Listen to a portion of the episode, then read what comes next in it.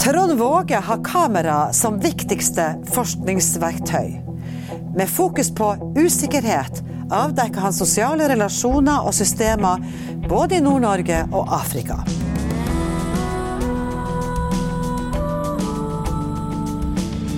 Observatoriet. En forskningspodkast fra UiT Norges arktiske universitet. Med Geir Hevnskjell Ringvold, mannen som lurer på det meste, og Marit Anne Hauan, som bokstavelig talt lever av fortellinger. Og en ny, spennende forsker hver uke.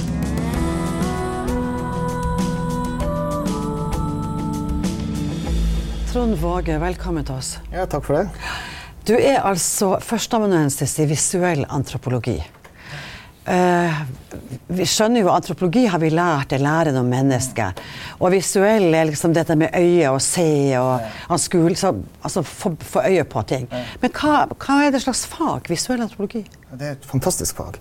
Uh, det er et fag der vi, vi bruker uh, det visuelle. Altså vi bruker filmkameraer som et verktøy.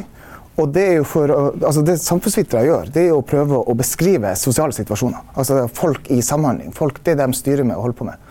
Og det er klart at det kan man sitte og observere og ta notat av.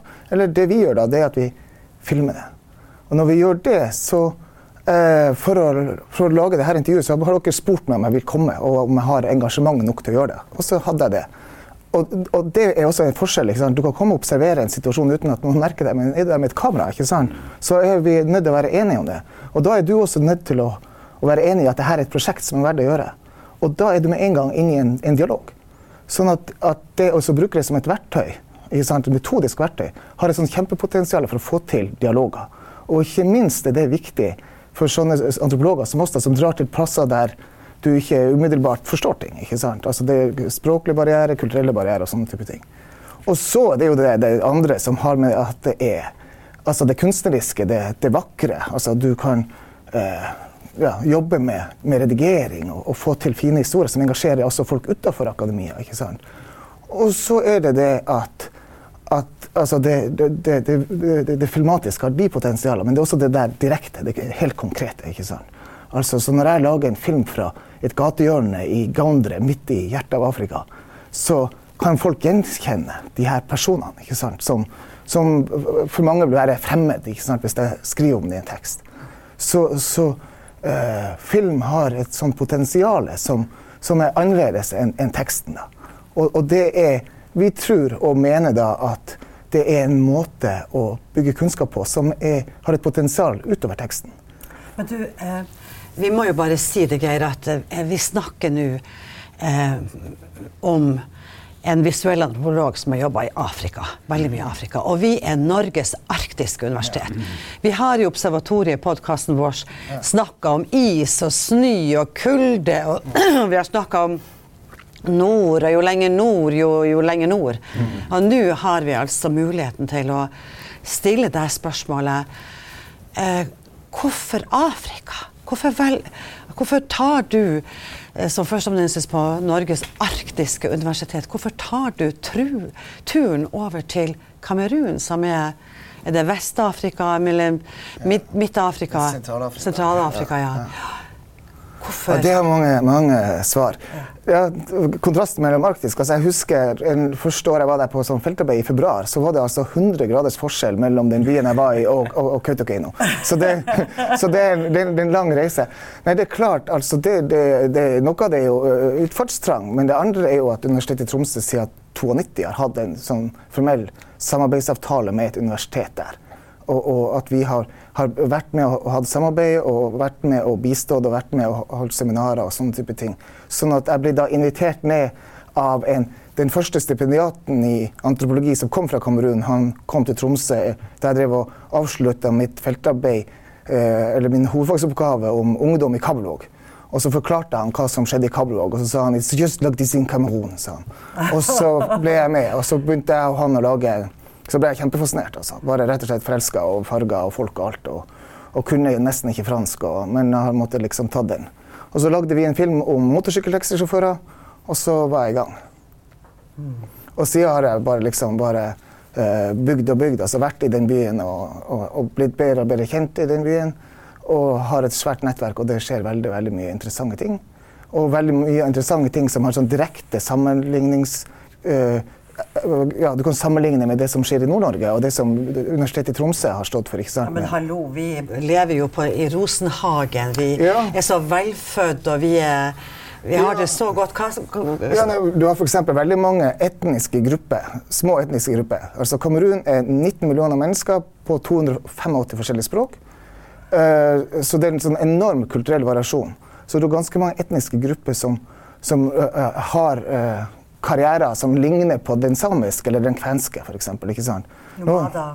Nomader. eh, De er delt mellom flere land. ikke sant? Jeg har akkurat lagd en, en film om verdens første journalist på sitt språk.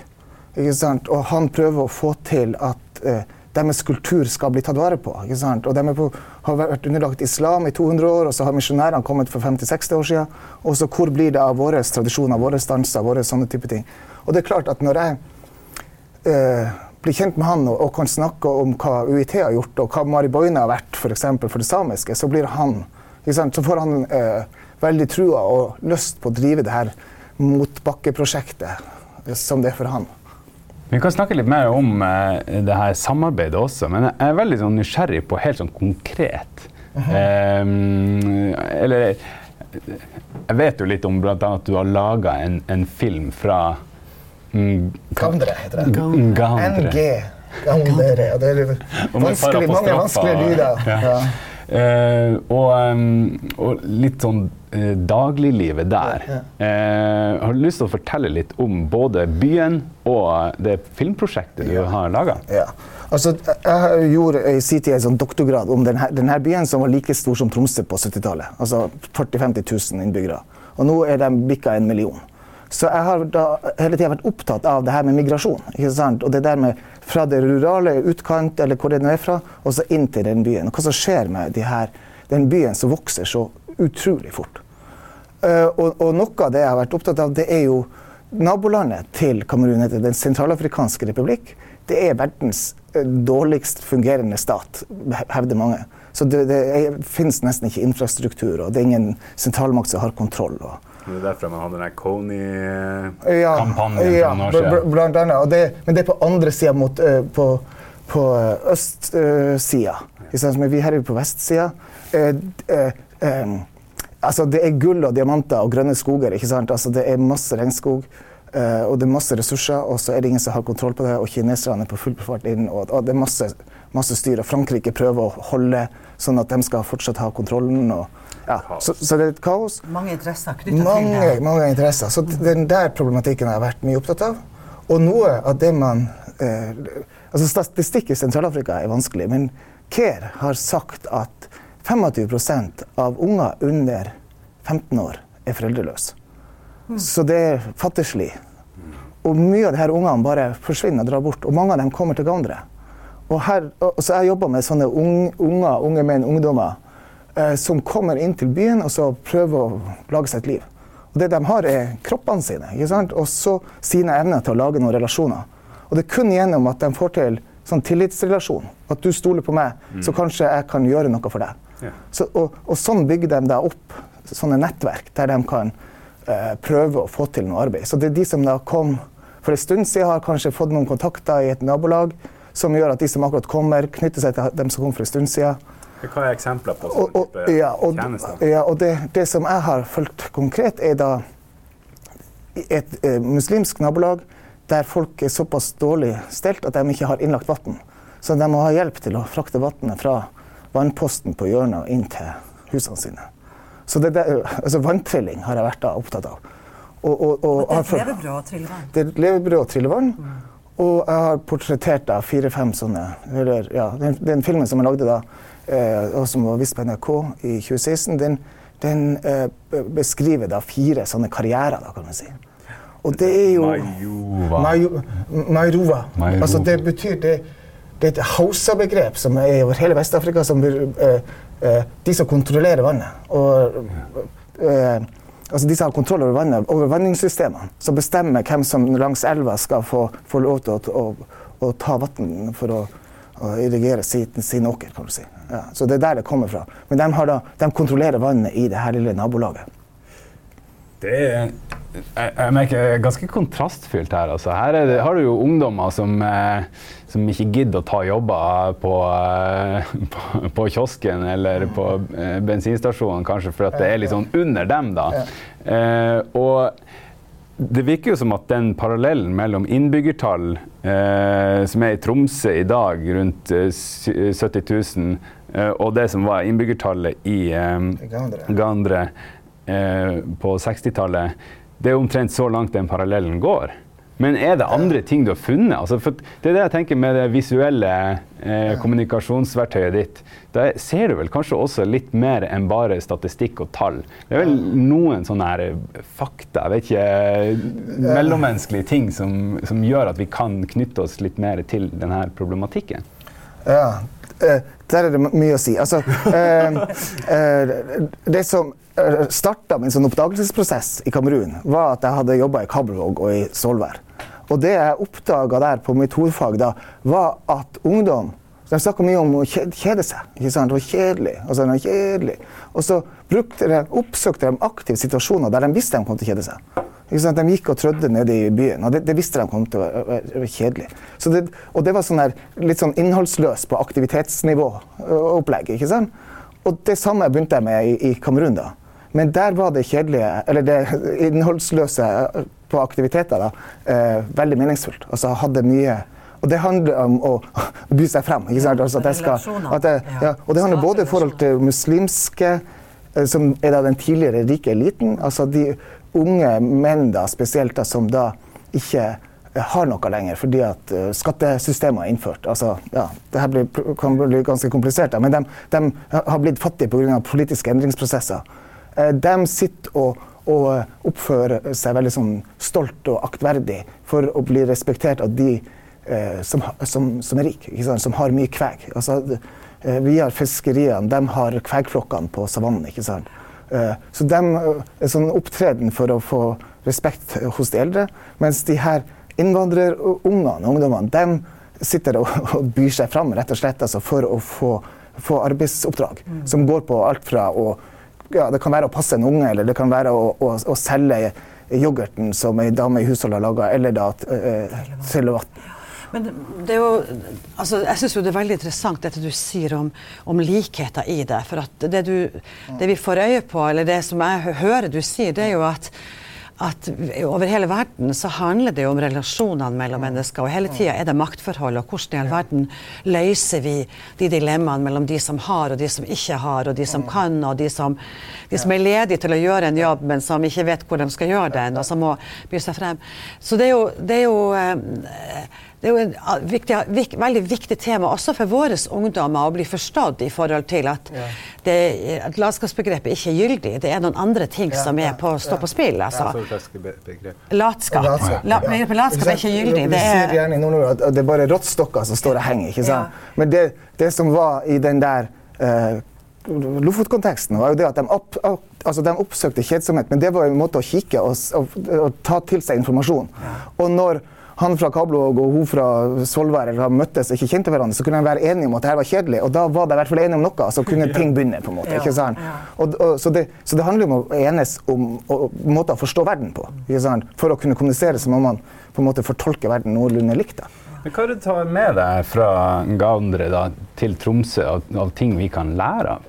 Er det, er det sånn Altså, jeg tenker det er jo et, et, eh, et, scenario. Noen driver kanskje også eh, og, og, og roper litt eh, varsku eller ulv, ulv, alt ettersom, til, mm. i forhold til at eh, når, i takt med at verdens temperatur øker, eh, at det kommer til å bli attraktivt å migrere opp f.eks. til trygge, gode Tromsø med 70 000 innbyggere. Eh, er det liksom, er det, trekker du det så langt at eh, du kan eh, se paralleller til litt mer sånn hjemlige forhold? Altså, man, man, snakker om migrasjonskrise. og Da refererer man til den bevegelsen fra Nord-Afrika over Middelhavet som var rundt 2015. ikke sant? Og så er det jeg vet ikke hvor mange tusen det er snakk om som har flytta. De absolutt største folkeflytningene i verden i dag skjer jo i, internt i Afrika. Og de skjer inn mot byene. Man regner med at, at altså rett sør for St. Gandre er liksom midt i hjertet av Kamerun. Uh, og, og, hvis du går ned til kysten da, og så litt øst, så har du eh, Benin City, som er en av de store byene i, i Nigeria. Og hvis du, Linja fra Benin til Accra det er omtrent som Tromsø til Mosjøen. Uh, altså uh, 700 og et eller annet kilometer. Det vil i løpet av sier FN, i løpet av de neste 20-40 årene bli verdens største by. Altså Det snakker man om 80 millioner mennesker. Så, og de, kommer, de beveger seg inn mot byene. Mange av dem har ikke penger, utdannelse eller noe særlig nettverk i de her byene. Og hva er det som skjer der når du skal håndtere den der vanvittige usikkerheten? Altså, Hvordan håndterer man usikkerhet? har vært min sånn, sånn greie. da. Og, og, det er klart at hvis du går lenger nord i, i Kamerun, altså opp mot sånn, Kamerun er jo et helt sånn fantastisk vakkert land, for du, du har regnskog til ørken. ikke sant? Hvis du beveger deg opp i fjellene mot, mot Sahara, der, eh, der har jeg også jobba. Og, uh, for der har Boko Haram vært, og det har vært ganske, ja, laget film om det, og ganske sånn heftig. Men det, og den filmen er liksom en sånn mor-sønn-affære. Uh, ikke sant? Og, og sønnen sin engstelse for mora som bor i, i det her konfliktområdet. Men hennes historie, ei dame på noen og 70 år, når hun snakka om barndommen sin, så var det der å svømme i elva. ikke sant? Og venninne og svømte i elva. ikke sant? Sønnen som da en en ungdom på min alder, holdt på å si, altså sånn der, slutten av 40-åra-type, um, han husker ikke de elvene. Han husker noen bekker i, i, i regntida. Og nå er det ikke overflatevann å se der i hele tatt. Og i de fjellområdene her bor det mange millioner mennesker. Uten vann. Og, og, og, og, landbruket der er Det er det de lever av. Landbruk og jakt er liksom hovedgreia i tillegg til handel over grensa. Men hva skal de holde på med når, når vi ikke har korn som eh, klarer å stå imot denne sviende sola lenger. ikke sant? Og, og, der, akkurat der har vi den der hovedutfordringa. Jobb med det kornet. Jobb med de utviklingstype problemstillinger som sånn ekstrem tørke er. Altså kunnskap om å håndtere ekstrem tørke. Det trenger vi kunnskap om. Og, og, og, der har vi jo, bare for å være litt sånn politisk, da, altså, nå har Norge en sånn Sahel-satsing. Og den er veldig mye militær. ikke sant? Sahel, hva betyr det? Ja, Sahel er det, uh, den økologiske, eller det området som ligger rett sør for Sahara. Sånn at det er en betegnelse på Randsone betyr det vel på arabisk, jeg ja. husker, og som, som, er da et område som er definert ut fra hvor mye nedbør det får per år. Men som er etter, etter ørken, men før savanne. Sånn at det er veldig lite. Så der, det, så der lever folk eh, sesongbasert. Sånn at man migrerer. Veldig mange migrerer da og forflytter seg, avhengig av om det er tørketid eller regntid. Men du, dette her er jo fantastiske tema. Migrasjon, problematikken rundt Boko Haram, som vi har mm. sett så mye på TV om. Eh, og, og, de her eh, fortellingene du kommer hjem med i filmene som noen av oss har sett. Vi har sett dem på filmfestival, vi har sett dem på NRK. Eh, de er vakre, som du sjøl sier, de er episke. De er vakre, de er sterke historier. Det er noen fantastiske mennesker som deler sitt liv med oss når vi får se dem. Men, så det har innvirkning, i alle fall på en middelaldrende, eldre, gråhåret kvinne. så har det virkning. Men har det, si for, har det noe å si for Afrika? Eh, ja, vi får jo veldig eh, Ja, hatt Altså, uh, ja. Vi, vi, jobber jo veldig med å uh, vise filmene våre altså De filmene som jeg har lagd, og den vi snakker om nå, den har hatt flere sånn visninger på i, Kamerun. Og, og, uh, og, det er jo veldig sånn der, altså De guttene er jo utrolig stolt. Og vi har hatt sånn filmfestivaler. og de, de er sånn open air-filmfestival? Så, med sånn gjerde rundt. Og så rett før visningen kommer, så plutselig så kommer det en sånn kolonne med sånne firehjulstrekkbiler. Og sånn dut ut? Og da er det guvernøren og sikkerhetssjefen og greier som kommer inn. Og, og så plutselig må settes opp flere stoler. Og så når guvernøren kommer og jeg er invitert til film, så må jeg stå for bevertninga og, og fikse brus og øl. og sånn Fullstendig kaos, men veldig ja, sånn ettertid litt sånn artig, da. Men, eh, og så blir jeg invitert på guvernørens kontor eh, dagen etterpå for å diskutere problemstillingen, ikke sant? som handler om migrasjon og hvordan skal vi som by håndtere det her. Fordi at FN, FN har jo vurdert det som en av de der største sikkerhetsproblemstillingene vi har globalt. Hva som kommer til å skje i de her byene som, som, som eksploderer der, formelig befolkningsvekst. ikke sant? Og som er folk som må håndtere det her med usikkerhet. Og det, altså det er kjempedramatisk. De, de, de, I det miljøet som jeg nå da har fulgt over ganske mange år altså Jeg kom dit i første gang i 95. Og, og, og i, i, det samme nabolaget. Så vil jeg anta at en tredjedel er død En tredjedel har forsvunnet, altså måtte stikke av. øh, ikke sant? Og en annen tredjedel er på en måte ja, altså Det er to stykker som på en måte har klart seg litt, da, kan du si. Og det handler fordi at de har klart å gifte seg med ei, ei, ei, ei dame som har familierelasjoner i denne byen. Sånn, hvis du ikke, sånn, så det, det, De blir familieløse, og de er nettverksløse, og de er utsatte for Og det du kan si, Hvis jeg skal snakke om hvordan utviklingen har vært så da, På 90-tallet så, så brukte de sånne uh, de bruit. Altså, uh, den nordnorske parallellen det er sånn 'jeg står han av'. ikke sant? Eller, det, han- rett oversatt for fransk er det å vikle seg ut av. ikke sant? Som har en sånn kreativitetsassosiasjon. Uh, altså, jeg klarer sant? Jeg, jeg må hele tiden posisjonere meg sånn at jeg ser noe jeg kan uh, ta meg til. Og så nå utover 2000-tallet så er det mer sånn je me défends, je me de, je me bats. Altså jeg, jeg forsvarer meg, eller jeg slåss, ikke sant? Så du går fra det kreative til det her mer sånn her eh, eh, voldelige. Ja. Og så men nå er det, snakker de om livet som uh, riskant. Altså det, det er risikofylt. Altså det er farlig. ikke sant? Og det er liksom sånn der, sånne bilder da, på utviklingen i, i, i byene, og ja, også utafor byene. Altså at det er sånn, det er sånn voldsøkning, det er kriminalitetsøkning. Veldig, veldig trist å være vitne til, egentlig.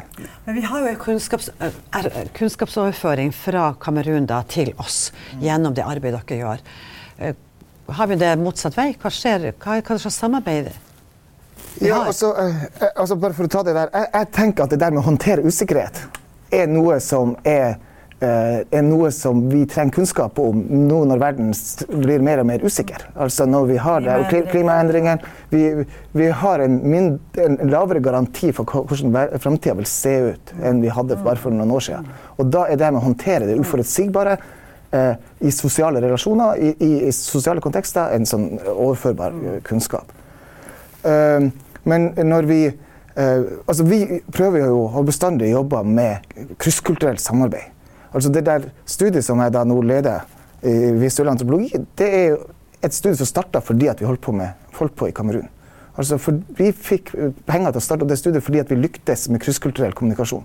Altså fordi at, at eh, ministeriet, altså UD så at vi lyktes gjennom det å lage filmer med å, med å få til en dialog nordsjør. Så det har liksom hele tida vært der. Og nå når vi eh, ja, Nå har jeg akkurat vært på ei øy utenfor Tromsø her, og, og, eh, på Vengsøya, og satte i gang et sånt feltarbeid med åtte studenter. Der fire er fra Kamerun, og, og fire er fra ja, to er fra Norge, og en fra Brasil og en fra, fra Egypt. Og sammen skal de på en måte lage historier om, om Vengsøya. Og det, det de ser, er så forskjellig fra det jeg ser, som føler meg ganske hjemme der. ikke sant? Og det der kryssende blikket er vanvittig interessant. Altså bare ta noen sånne enkle eksempler på det. Vi har, for et par år siden hadde vi noen barnehageprosjekter. Og der kom de hjem, og hun ene så kjærlighet, og den andre så autoritet. Ikke sant? Altså Du ser akkurat det samme bildet. Det er en sånn barnehageonkel som da stiller opp noen unger på ei rekke, og så leser man det så forskjellig. Eller vandring nede i havna, der en ser en ser eh, hjemlengsel, og den andre ser frihet. Og jeg ser eh, at uff, er, de ikke ferdig å mudre den havna ennå? Altså, altså, man leser det så utrolig forskjellig. Og, og det er klart at, at skal du få til dialog og krysskulturelt eller mellom folk som forstår ting i verden, så må du være enig om hvordan man forstår hva det er som skjer på denne havna eller i denne barnehagesituasjonen. Det, så, det er, så vi tenker om det som sånn kjempepotensial for å få til dialoger. da. Og at det, nettopp det, det er det studentene våre skal kunne, og det er det jeg skal lære meg. Sånn at når jeg da har filma en dag, så kan jeg sitte og se gjennom de her footagen. Og så kan du som er med, med der, kan du, hva du ser her, ikke sant? og hva jeg ser. Og så, og så, så, så, så ser vi kanskje veldig forskjellige ting, og det lærer jeg veldig mye av. Og det er jo det det handler om forskning. altså Lure strategier for å lære. Og, og vi mener at det er, eller jeg er veldig tydelig på at det er det. altså. Hva tror du er lettest av å lage en film som det du gjør, eller å publisere et paper eller forskningsrapport eller noe sånt? Det er kanskje ikke de rette ordene å bruke lett vanskelig. Altså det, det er veldig arbeidskrevende begge deler, men på veldig forskjellige måter. Men jeg har lyst til å bare gi så- et sånt eksempel. Min så, sånn, sånn første møte, ikke sant. Altså, med, med, med han der, med, da, var det, da var det, hadde jeg funnet en kar som kjeda seg. Ikke sant? Han satt på det der gatehjørnet. I Kabelvåg? I, i, nei, i Kamerun. Ikke sant? Så jeg tror, jeg tror at han holdt på med det, det samme de gjorde i Kabelvåg. Han satt og kjeda seg. Og så satt jeg og stilte han alle de spørsmålene. Jeg var veldig forberedt, så hadde jeg forberedt masse spørsmål. Og, og jeg holdt på i par-tre måneder mer eller mindre å komme innom han her karen. ikke sant? Og jeg hadde oversikt over alt fra kjærlighetslivet til foreldre til utdanning til ikke sant? Altså, jobbkarriere. Altså, jeg følte at jeg kjente at Men jeg skjønte ikke en skit. Ikke sant? Jeg, hadde kunnskap om hans bakgrunn og hvem han var slags kar, men jeg forsto ikke hvorfor han gjorde det han gjorde. Og så fant jeg ut at nei, men la, la oss lage en film ikke sant? der jeg inviterte han inn til å nå vil jeg portrettere deg og hva livet ditt handler om. Og da skjønte han at det han holdt på med, var å forberedt seg til å gifte seg. Det hadde jeg ikke noen idé om. Og, ikke sant? Altså, greia, så, altså det, det førte til det var at det gikk fra en høflig konversasjon der han svarte på mine, mine mer eller mindre lure spørsmål, definert på en skrivebord i, i Tromsø, ikke sant? til at han øh, ble engasjert. Ikke sant? Han ville vise meg hva mora styrte med. ikke sant? Og så ville jeg, I og med at han satt så mye, så ville jeg at han skulle sitte sånn og sånn og vakre sollyset. Og, så ble han sitte der, så ble han rasende. Han ble råsint.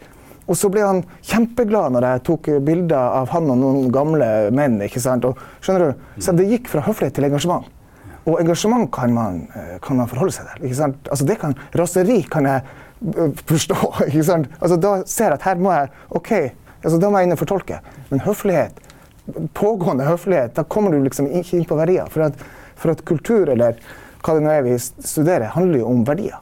Og, og da må du inn og, og, og finne ut hva de hva det er for noe. Ikke sant? Ja, det, det er litt sånn, eh, Jeg syns det er veldig spennende dette med at man kommer så tett på. så Det er jo noe veldig intimt over dette materialet. Vi har jo sett en vending i, i, i fiksjonslitteraturen, at den er blitt mer personlig og mer intim.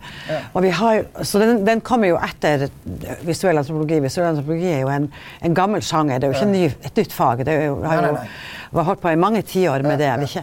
Så det der kameraet som, som et intimitetsverktøy også er jo er jo viktig for oss, eh, tenker jeg. Ja, altså, og Det er jo mye å si til det. Altså, det første prosjektet jeg gjorde som student, var en portrett av en sånn 18-åring. eller Han ble 18, og, og mora hadde akkurat mista mannen sin. ikke sant? Og, og, og filma det her.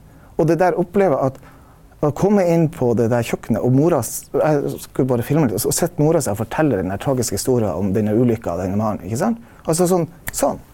Og så når jeg da senere, altså, tilsvarende historie, så når jeg da senere som student skulle skrive jeg skulle skrive sånn paper ikke sant, om det her, at jeg lagde denne filmen, så da satt jeg og lagde notater over hva de uh, kommenterte.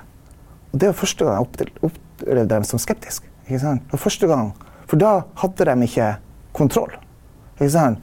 Jeg kontrollerer hva jeg gjør nå, ikke sant? men hvis du står og noterer når du ser meg ikke sant? Det er en veldig sånn forskjellig dynamikk mellom forskeren og men det er klart at det er veldig avhengig av meg som, som person og kameramenneske og alt det, hva jeg klarer å få til av, av tillit, og vi må være enige. Og, ikke sant? og når du nå blir sint, ikke sant? så vi stopper jo der. Og så, ikke sant? Og så, ja. men, men, når du har det enighet om, om det her prosjektet, ikke sant? at det er, det er deres liv på det her gatehjørnet, og det dere jobber med, og, og det dere styrer med, liksom. Altså, når vi definerer det, så, så har vi jo etablert en enighet. Men det må jo være ganske Nå har du holdt på i mange år. Du sier jo sjøl at du begynte i Den første filmen var i 1995? Ja, 96. 96 ja. Det er jo ganske krevende som, for en forsker å ha ting så tett på. Ja, det er klart det. Hvordan, hvordan håndterer du det? Nei, det er jo det, det er klart at det håndteres på etter evne, altså. August er den vanskeligste måneden min økonomisk, for da starter skolene. ikke sant? Sånn at da da er det ganske mye sånn skolepenger sånt som skal, skal sørover. Nei, altså øh, øh, Det er jo veldig sånn forskjellig hva man kan bistå med. Uh, og, og, det er klart at, at uh, har, uh, jeg prøver å, å, hjelpe altså når jeg ser at, det, at, ting er veldig veldig vanskelig. Men først og fremst så prøver jeg å hjelpe folk til å finne sammen og, og gjøre ting, ting, ting, i lag. Altså. Å hjelpe verden med å dele kunnskap? Og, så er det jo den, den biten, da, om, om, det fungerer. Ja. Det du gjør, Trond, når du lager film, eh, hvor mye av det er dokumentarfilm, og hvor mye av det er forskningsfunn? Eh, hvis jeg, hvis jeg får lov til å utdype litt, så, så tenker jeg liksom, er det andre forpliktelser knytta til en, en uh, videofilm du gir ut som en dokumentasjon på visuell antropologi enn en film som du håper at skal gå med, stikke av med en eller annen pris? Ja, altså, uh, Ja, nei, det er klart at det der er jo sånne dilemmaer som vi står oppe i og diskuterer. Er hva er visuell antropologi, en antropologisk film, og hva er en dokumentarfilm? Altså, de der tingene er vi er det en sånn never ending sånn diskusjon på det.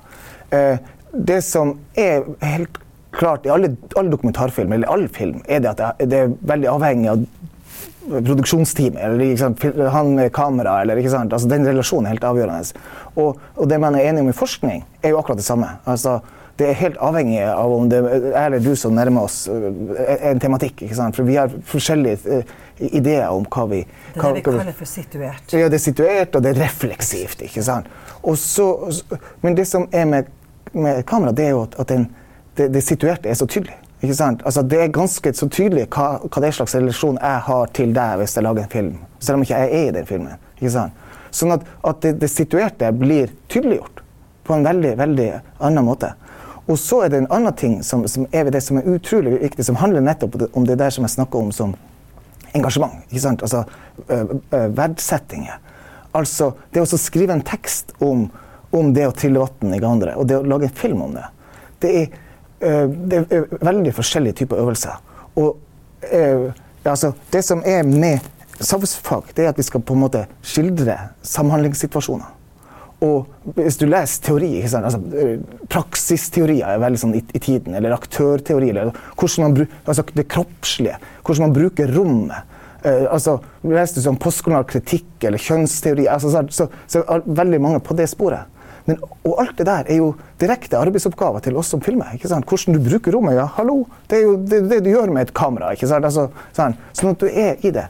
Og så samtidig så får du da hvordan den som bruker det her rommet, eller liksom, hvordan de fortolker det de er oppi, er jo øvelsen.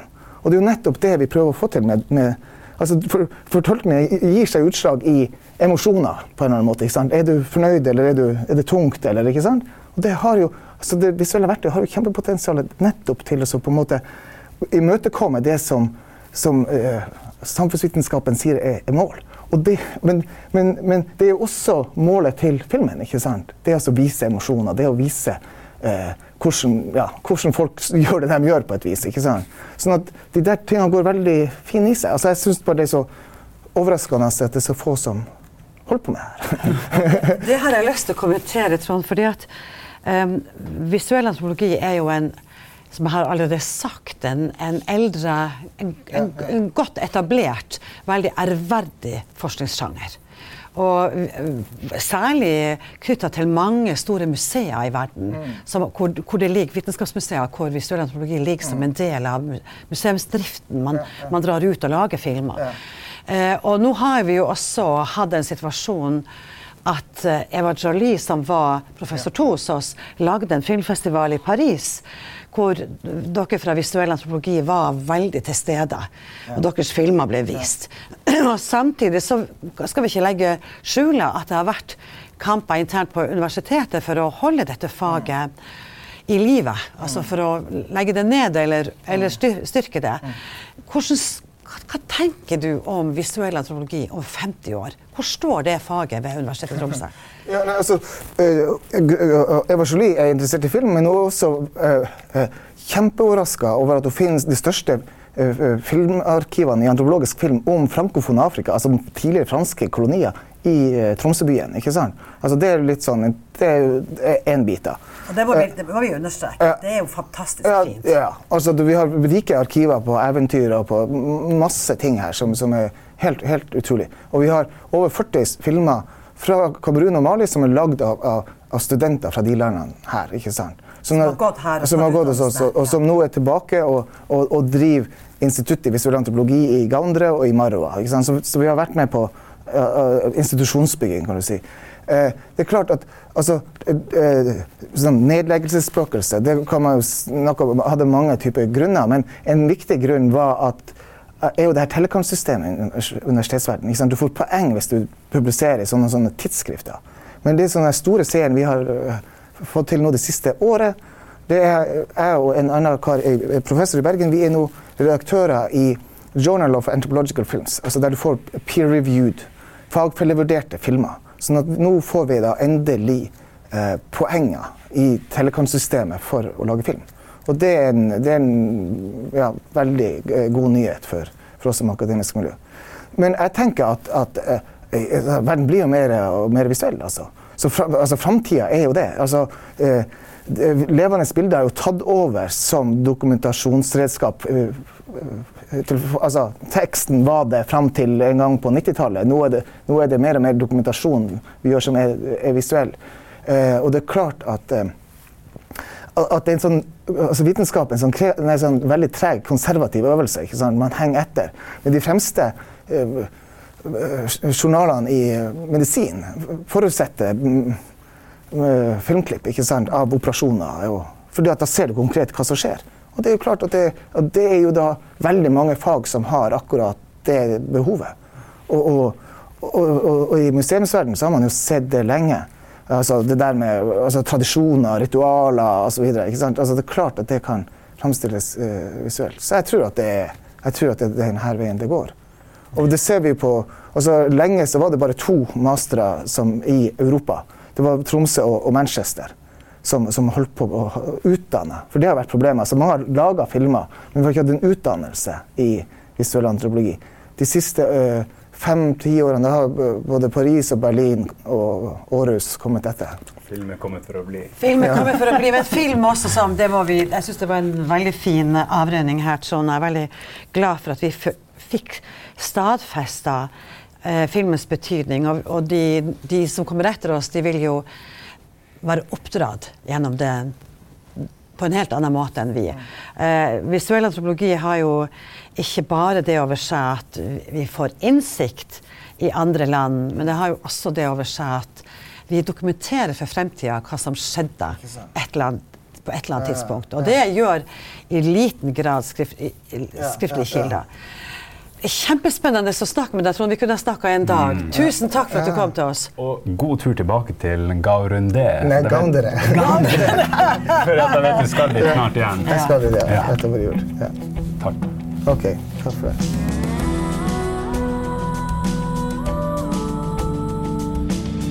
Vil du vite mer om Trond Våge og hans miljø sin forskning? Så sjekk uit.no 50. Du finner oss også på Soundcloud og andre podkastapper der du kan høre Trond og mange andre forskere.